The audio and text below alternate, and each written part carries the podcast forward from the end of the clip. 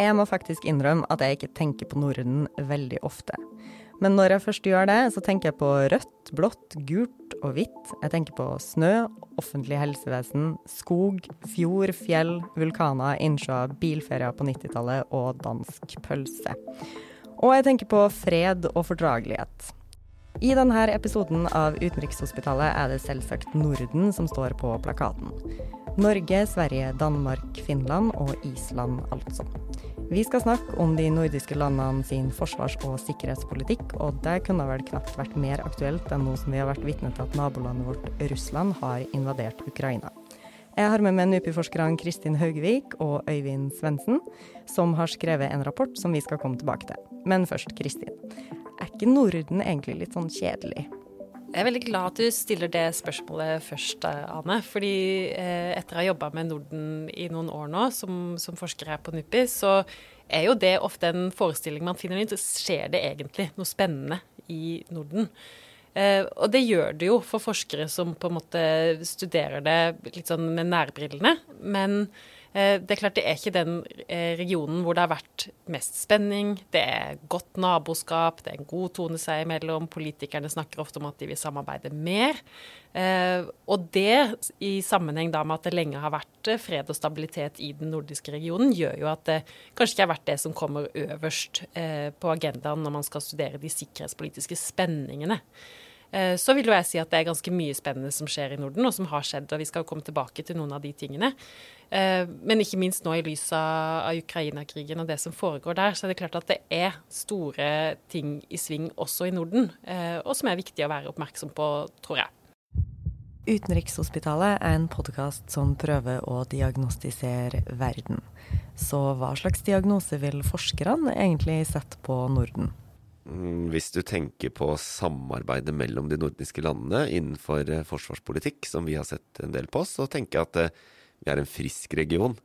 Eh, kanskje en sånn eh, region som eh, Ja, vi har diffuse symptomer, kanskje. Du vet de legebesøkene hvor du, hvor du ikke får noen ting ut av det, annet enn at du fikk lufta for legen hva som var problemene dine. Så jeg vet ikke om du er enig, Kristin, men jeg tenker at det, eh, det er små, små gnisninger og, og, godt naboskap eh, i Norden tror absolutt at pasienten er frisk. Eh, men, men, samtidig så, så, er det klart at det er Når vi liksom tar frem lupen, da, så er det jo likevel eh, ting. ikke sant? Kan, det er mye man kan måle hos legen, og, og også hos forskeren. Eh, og det er jo det vi er interessert i. Vi er jo interessert i på en måte der det er endringer, der det er nyanser. Når denne episoden spilles inn, så er det en snau måned siden Putin sendte russiske styrker til det som for mange av oss er en uforståelig invasjon av Ukraina. Så helt overordna, da, hva gjør det med forsvars- og sikkerhetssituasjonen uh, i Norden? Uh, og da tenker jeg man kan begynne med å, å spole litt tilbake i tid, uh, og snakke først litt om den kalde krigen. Good evening, my fellow citizens. This government, as promised, has maintained the closest surveillance of the Soviet military buildup on the island of Cuba. Eh, fordi under den kalde krigen så snakka veldig mange forskere om eh, at Norden var et sted hvor det var det man kalte en nordisk balanse. Altså at de nordiske landene hadde sikkerhetspolitiske veivalg eller sikkerhetspolitiske løsninger som egentlig i praksis utfylte hverandre. Selv om ikke det var noe som var avtalt eller intendert, så var det sånn at det at eh, Norge og, og Danmark og også Island hadde valgt Nato-medlemskap, mens Sverige gikk for en sånn nøytralitetslinje i, i krigstid og alliansefrihet i fredstid.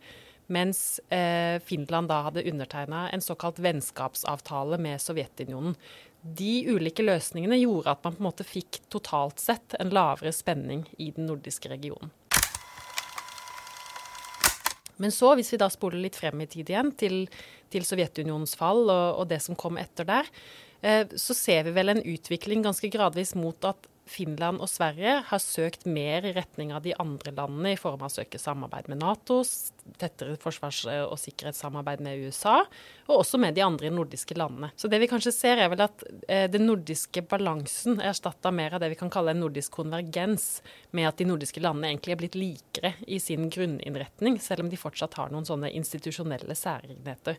F.eks. da ved at eh, Sverige og Finland står utenfor Nato, og at Norge står utenfor EU, og at Danmark lenge har hatt da, et unntak fra EUs sikkerhet og forsvarspolitiske samarbeid, eller deler av det. For å snakke litt mer om, om Sverige og Finland Finland som ikke er medlem i Nato. Da. Hvorfor er de ikke det? Altså, hva var på en måte bakgrunnen for det valget eh, i sin tid?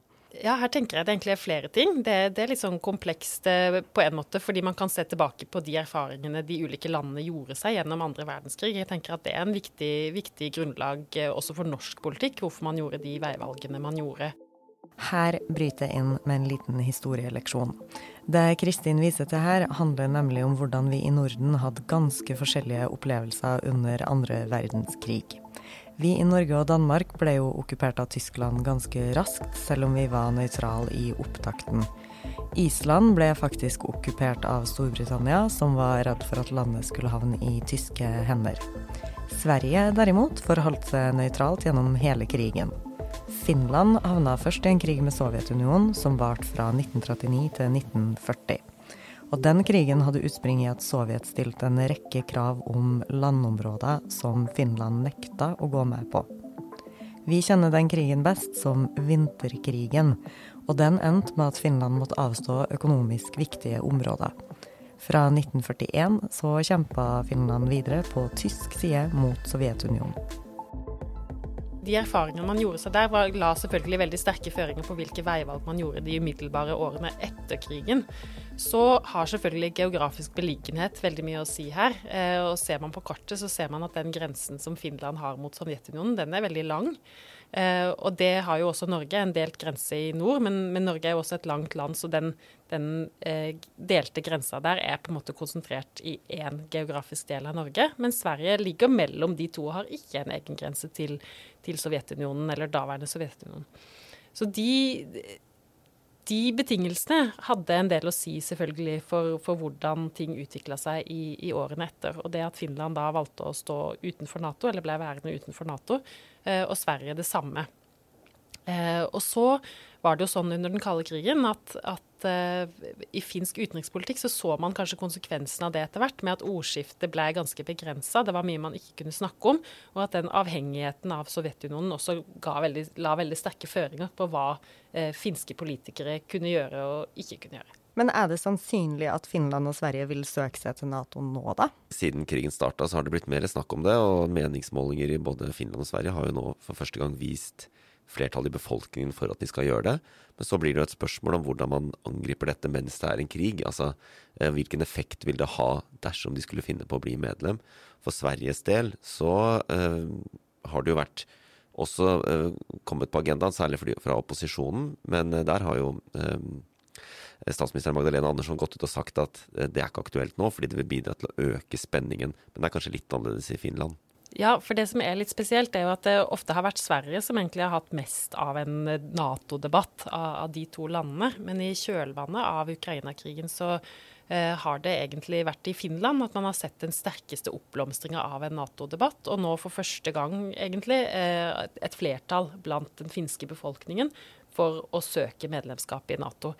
Uh, og Vi ser også en, en viss bevegelse i, i, den politiske, offisielle retorikken også, med president Sauli Ninistø som sier at uh, nå, nåværende linje egentlig ikke er en langsiktig linje. Og at for Finland så er det Nato-medlemskap eller et tettere bilateralt samarbeid med særlig da USA, men også f.eks. med Sverige, som de allerede har utstrakt samarbeid med at, det, at for Finland så, så, er det et linjeskifte. Det går, en, det går, en, strek i sanden nå på det som skjer i Ukraina, og med ganske høy bekymring i Finland rundt, eh, rundt sin egen lange grense spesielt. Men som, som eh, for å gjøre et tankeeksperiment for, eh, NATO, nei, for Finland og Sverige som ikke Nato-medlemmer, ville de hatt en sjanse hvis de hadde blitt invadert av Russland sånn som Ukraina opplever nå? Det er et veldig vanskelig spørsmål egentlig å svare på, da, om de hadde hatt en sjanse. Eh, de vurderingene fra Ukraina-krigen viser jo hvordan det russiske forsvaret ikke er så sterkt som man kanskje hadde trodd. Eh, Sverige har et veldig sterkt forsvar alene, de jo, har jo bygget det opp selv. Eh, Finland er kanskje tydeligere på at, hvordan de lener seg på, på EU, hvor viktig EU er som forsvarspolitisk samarbeid. I tillegg til den utviklinga med Nato som vi har snakka om, at de har, at har nærma seg der. Så, så begge de landene, selv om de ikke er Nato-medlemmer, er vel avhengig av en eller annen form for alliert støtte for å stå opp mot, en, mot Russland i en tenkt krig. Jeg tror det er riktig å si også om både Finland og Sverige at de er jo så tett på samarbeidet i Nato som man kan være, uten å være medlemmer. Og også Nato-medlemslandene sjøl og, og, Jens Stoltenberg har jo vært tydelige på at Nato, NATO ser, ser Sverige og Finland i en særstilling. Eh, så, så, i den forstand så er de nok enda tettere knytta på enn det Ukraina har vært.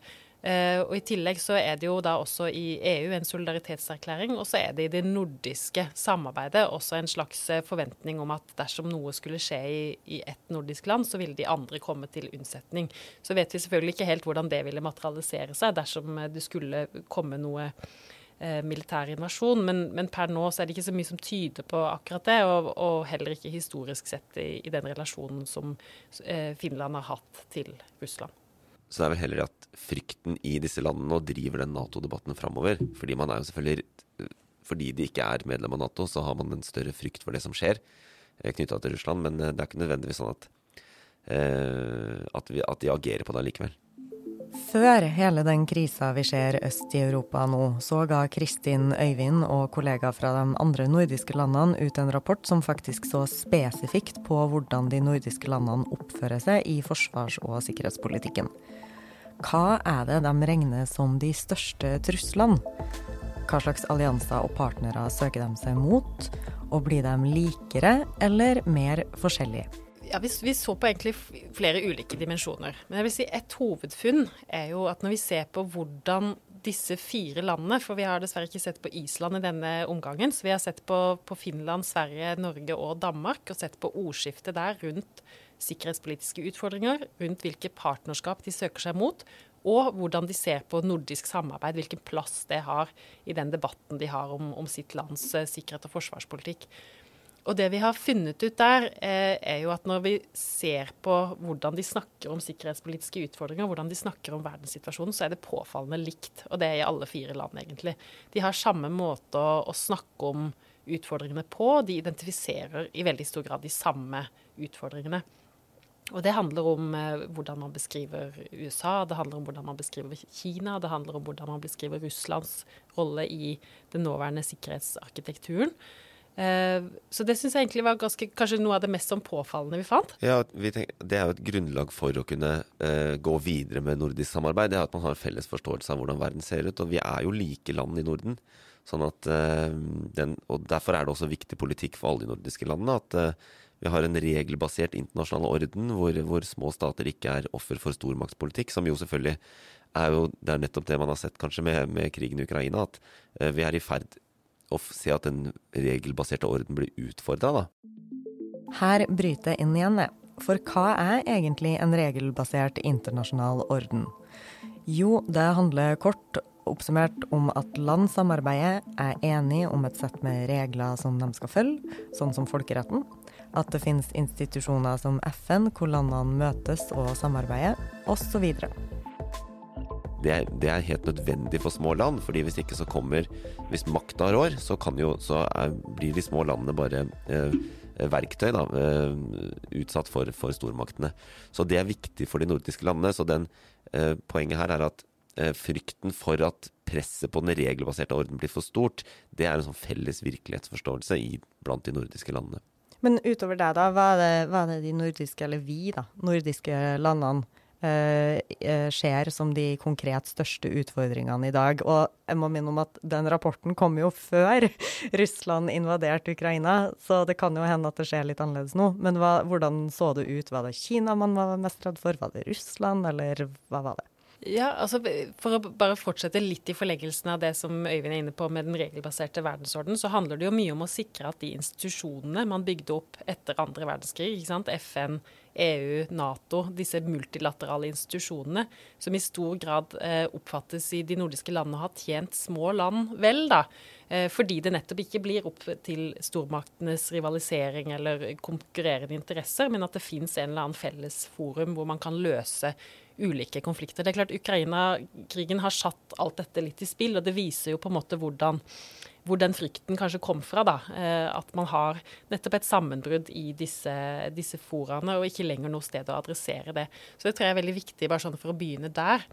Eh, men så handler det jo om nettopp da større land som ikke respekterer f.eks. Sine, sine mindre naboers grenser. Det kan handle om Kinas ekspansjon og, og, på en måte den tiltagende rivaliseringen mellom Kina og USA rundt hvem som skal på en måte ha Eh, retten til å definere ulike regler for, for samhandling. Eh, så jeg tror For de nordiske landene så ser nok det nokså likt ut. og det, det, handler om cyberspace, ulike, ulike faktorer rundt det. Uh, og også, som vi nettopp har vært igjennom, det er nesten lett å glemme nå når vi nærmer oss den andre sida av det, men global epidemi, Eh, som vi jo har hatt. eh, og hvor, som viser også at mange land ikke nødvendigvis har samarbeidsstrukturene for å håndtere det sammen, men hvor det kanskje i, i ganske stor grad ble opp til hvert enkelt land. Kan man si noe ut ifra det dere har funnet ut i den rapporten, om Uh, om noen på en måte forutså den her, at man kunne komme i en sånn krise som vi står i nå? Uh, en av funnene er jo at i 2021, da hvor det vi, uh, 2020-2021 er de åra vi har sett på, uh, og det er helt åpenbart i alle landene at den største trusselen, det som driver forsvarspolitisk agenda i alle landene, var jo Russland. Så det, det var jo, og, og, også et funn var jo at man er mer forsiktig med å omtale Kina som en trussel i Norden. Fordi Foreløpig er det en slags partnerskap også, men Eh, og man handler sammen og man må se litt an hvordan dette blir. Men det var ikke noen naivitet meg i, i spørsmålet om Russland. Det er den største, oppfattes som den største trusselen i alle de nordiske landene. Mm. Og selv om de kanskje er litt forsiktige med å kalle det nettopp en trussel, eller var da, eh, hvor det var liksom variasjoner i ordbruken, noen snakka om sikkerhetspolitisk utfordring, så er det, som Øyvind sier, helt klart det som lå under eh, som en driver. Og det er jo interessant å merke seg også, du nevnte jo innledningsvis det nordiske samarbeidet som kanskje litt sånn ja, tannløst eller under radaren og, og stille og sånn. Men eh, da Russland annekterte Krim fra Ukraina i, i 2014, så, så, så vi også et taktskifte i de nordiske eh, ambisjonene om, eh, om, felles sikkerhet og forsvarssamarbeid, med at det fikk mye mer fart enn det det hadde hatt tidligere. Så ambisjonene hadde vært der, men i 2014, når dette skjedde, så var det akkurat som at den opplevelsen av at nå haster det mer. Nå, nå, er det et større behov for den type samordning. Det, det kom mye mer på agendaen da. Så det er også den sporingen de ser i rapporten vår, at effektene av at her var det noen hjul som ble satt i gang. Jeg regner jo med at dere har fulgt med ganske mye på hva de nordiske landene har gjort nå, og uttalt, hvordan de har uttalt seg også etter, etter den russiske invasjonen. Eh, ser man noe Altså er det store forskjeller på en måte i hvordan de her landene responderer på den Ukraina-krisa vi ser nå? Nei, jeg vil si at det er ganske lik eh, respons. Men det er jo litt sånn ulike tilknytninger, da. Eh, Sverige og Finland, eh, har, og for så vidt Danmark, har vært med å Eh, og diskutert i EU f.eks. Der har ikke Norge vært med. Så når det kommer til sanksjoner som har vært innført, så har jo veien inn i de har ikke vært eh, den samme, men vi har, fordi Norge ikke er med i EU, og det er EU som leder sanksjonsregimet, men vi har jo endt opp på det samme. Og så var det jo interessant i både spørsmålet om å stenge luftrommet og å gi militære forsyninger til Ukraina, så var det jo åpenbart at den norske regjeringa først var avventende, men så til Sverige og Finland. da, og at da de tok beslutninger om å gjøre det, så kom jo Norge etter. Og det har jo eh, utenriksministeren vært eh, klar på også, at var, vi, vi, vi, så til våre nordiske kolleger for å vurdere om vi skulle gjøre disse to tingene. Hvorfor så vi mer til, til Finland og Sverige enn Danmark? Jeg tror vi så til alle tre, men jeg tror det handler nok litt om, om den litt sånn generelle at de nordiske landene oppfatter hverandre som ganske likesinnede. De, de, ser til hverandres debatt. Det er ofte de samme momentene, de samme avveiningene som er oppe. Uh, og, og, dette med at de er referanseland for hverandre, noe som også kommer ganske tydelig frem i den rapporten som vi da har skrevet sammen med våre nordiske kolleger ved, ved, ved NUPIs søsterinstitutter.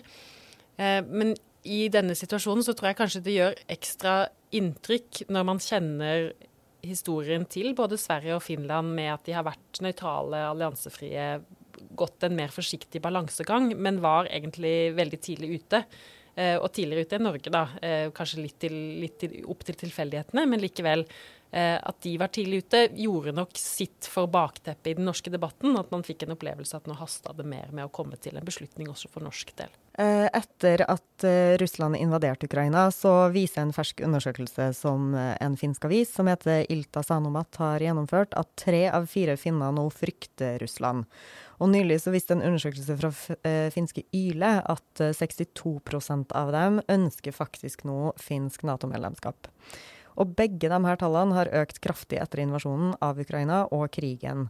Så da lurer jeg på, hva tenker dere om det her, og, og er det sånn at finnene har større grunn til å, til å være redd for, for, krig, være redd for Russland, enn f.eks. vi nordmenn har? Altså, vi har jo eh, snakka om det i Norge også, da. Og en av de, sånn rent militært akkurat nå, så er det jo ikke mye russiske styrker tilgjengelig til å invadere andre land. Altså, de bruker jo store deler av sitt eh, forsvar på å utkjempe den krigen i Ukraina.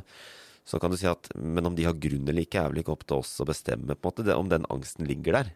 Som den av mange historiske grunner som Kristin gikk inn på, gjør. Eh, særlig i Finland, som har en lang, lang eh, grense til Russland. Så, så er, jeg, jeg, forstår at det skjer, og at, og at, de har den, at den frykten er sterkere kanskje der enn den er her også. Og noen av de problemstillingene som har, vi har sett i alle de nordiske landene, er jo også at man man har en viss eh, frykt rundt ikke bare en intendert invasjon fra f.eks. Russland sin side, men også at man frykter at det skal skje misforståelser som kan gjøre at ting eskalerer, og plutselig at man får en, en, en situasjon som er utrygg og, og, usikker i de områdene som har grenser eh, til Russland f.eks. Eh, og så er det jo en berettiget frykt også for det som nå foregår i Ukraina rundt atomkraftverk og annet, hvor man er selvfølgelig redd for at det skal kunne Eh, komme nedfall som har eh, konsekvenser for, eh, for, de nordiske landene og den nordiske regionen. Så det er jo også en annen dimensjon i det, eh, som gjelder både i Finland og, og Sverige og Norge kanskje spesielt. Ifølge Aftonbladet så svarer 35% av svensker i en ny spørreundersøkelse at de er veldig eller ganske urolig for at Russland skal okkupere Sverige. Men Sverige deler jo ikke engang landegrense med Russland, så jeg spør Øyvind hva er det som gir svenskene størst grunn til bekymring i den situasjonen her? Der finnene har en lang eh, grense, eh, territoriell grense, så er det jo russisk aktivitet i Østersjøen særlig som bekymre svenskene. Og de har jo hatt mange tilfeller der de siste årene der vi i nord eh, avskjærer russiske fly, så er det, så er det russiske ubåter i Østersjøen. Um, så um, igjen, jeg tror ikke det er sannsynlig at, at russerne uh, invaderer Sverige nå på kort sikt som en del av denne uh, krigen de utkjemper i Ukraina. Men, men om, om, angsten er der, på samme måte som den er med finnene, så er jo det en driver for denne Nato-vendingen vi kanskje ser i begge landene også. Men mens eh, Finland deler grense og, og, en lang grense, og Sverige ikke deler noen grense, så deler vi en litt mindre grense. Eh, hva er på en måte de hovedgrunnene Norge eller nordmenn har for å være redd for en russisk invasjon. Da. Fordi vi ser også at det er tre av ti her hjemme, ifølge en P4-undersøkelse som Stentio har utført, som faktisk frykter en russisk invasjon i uh, Norge. Uh, så hva er, liksom, hva er det som ligger til grunn for den angsten, tror dere? Da har vi jo ikke sett uh, Aner ikke jeg hva de tallene ville vært før dette. men man kan jo tenke seg at det handler igjen om det Øyvind snakker om. Det handler om på en måte grense og nærhet, og, og kanskje det jeg sa i stad at uh, en ting er på en måte intendert invasjon eller en intendert militær konflikt, men også at det er lett i en situasjon som nå, hvor alle er i høyspenning, og hvor det er en, en stor krig som, som, pågår, og som involverer alle. Uh, egentlig, og, og har ringvirkninger i Europa både på sanksjonssiden og, og ja, de, de, aller, aller fleste spørsmål har det ringvirkninger på. Så det er klart at det fører til en sånn type høyspent eh, stemning, hvor, hvor, man klart man er redd for det. Eh, som, hvordan det skal påvirke oss her hjemme. Eh, så det tror jeg bare er helt naturlig, egentlig, at, at, man tenker på det. Men i likhet med Øyvind så tror ikke jeg at det er noe overhengende. Det er ikke noe vi har sett, eh, sett så langt som, som, tyder på at, eh, at den frykten har rot i virkelighet akkurat nå, da. Det er jo også en eh, ekstremt mediatisert krig, som det heter på fint.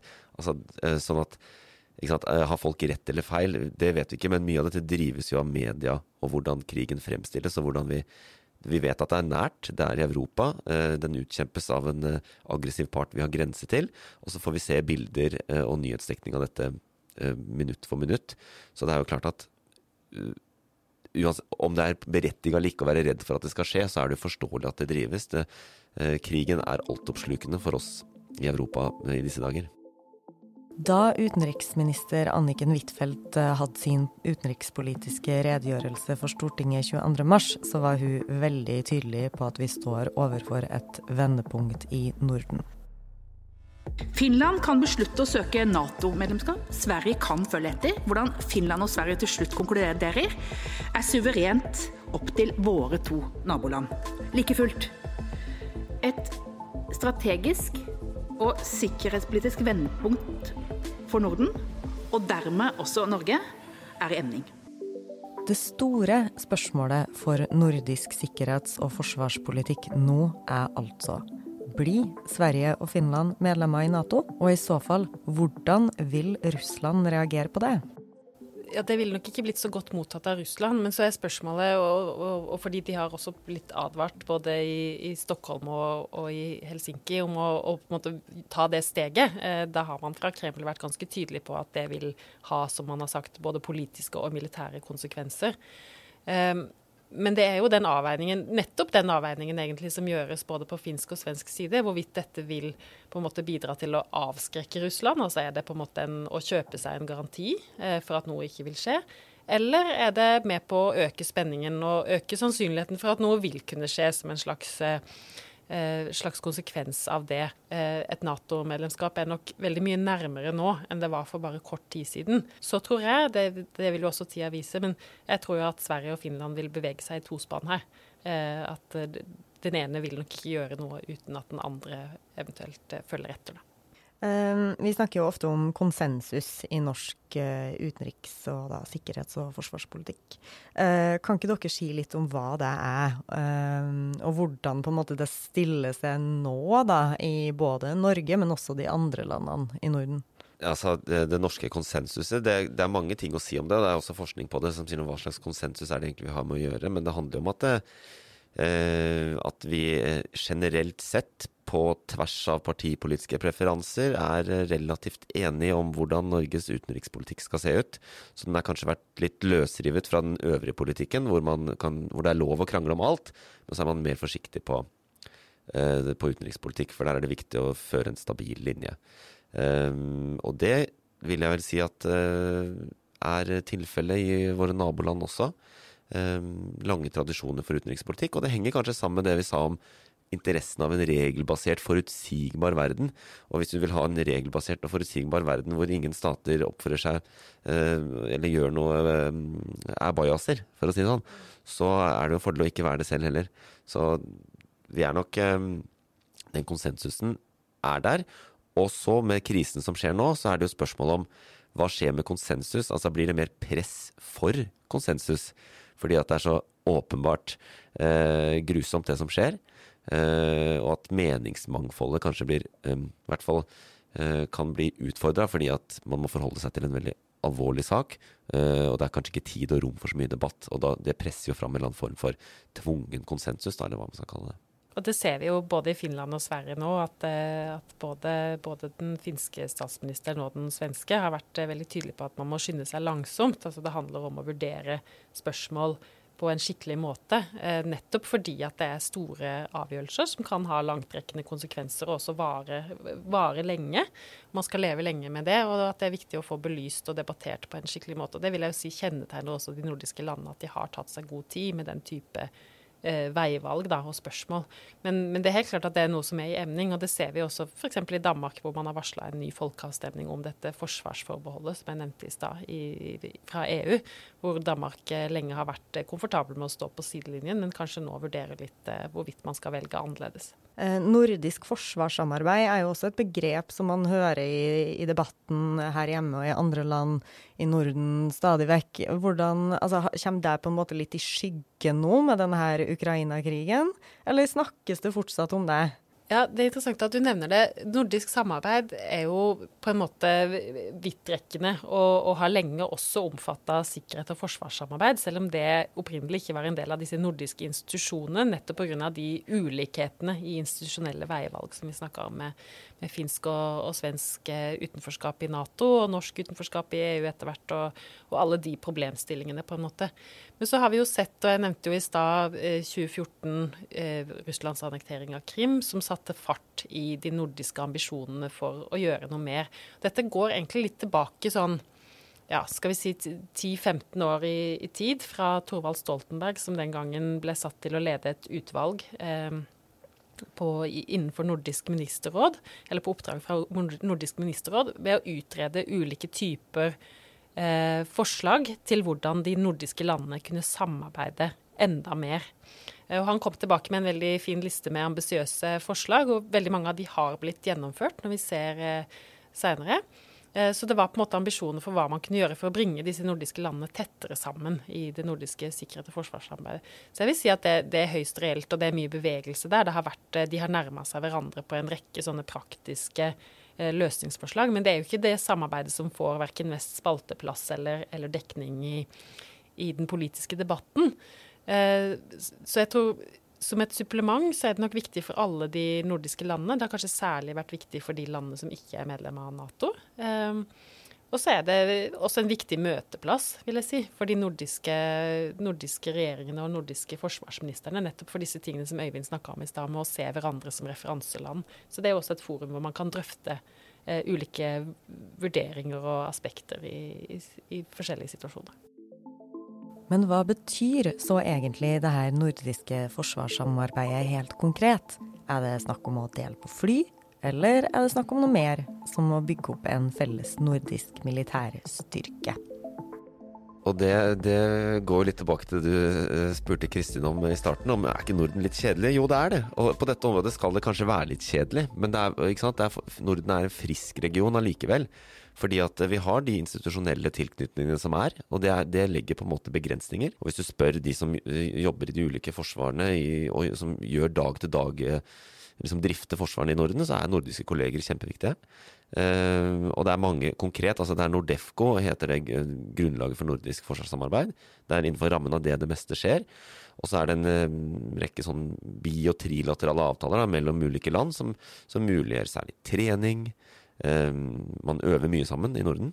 Svenskene er med på øvelser i Norge også i disse dager hvor vi tar opp dette. Finn nå for øvrig. Og sikkert danskene også.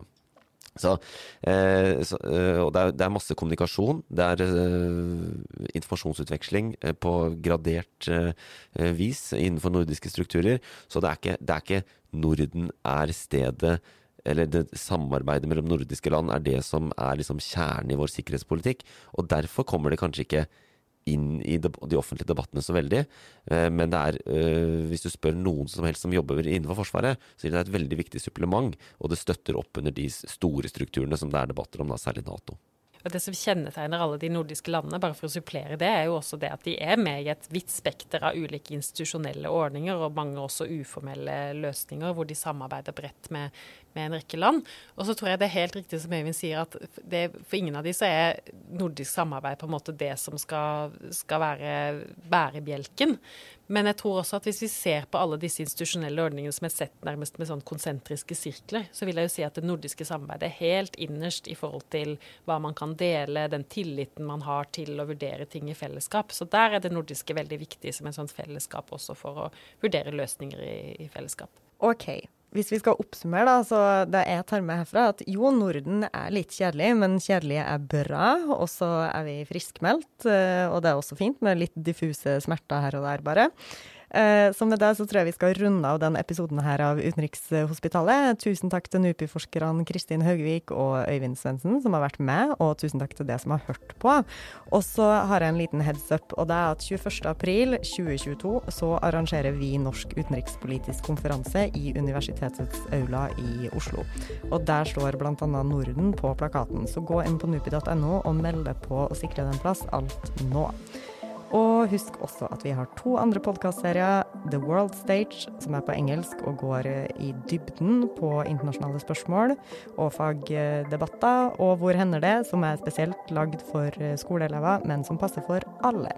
Og har du forslag til ting som du vil høre om i podkastene våre, så foreslår jeg at du sender dem inn til post.nupi.no.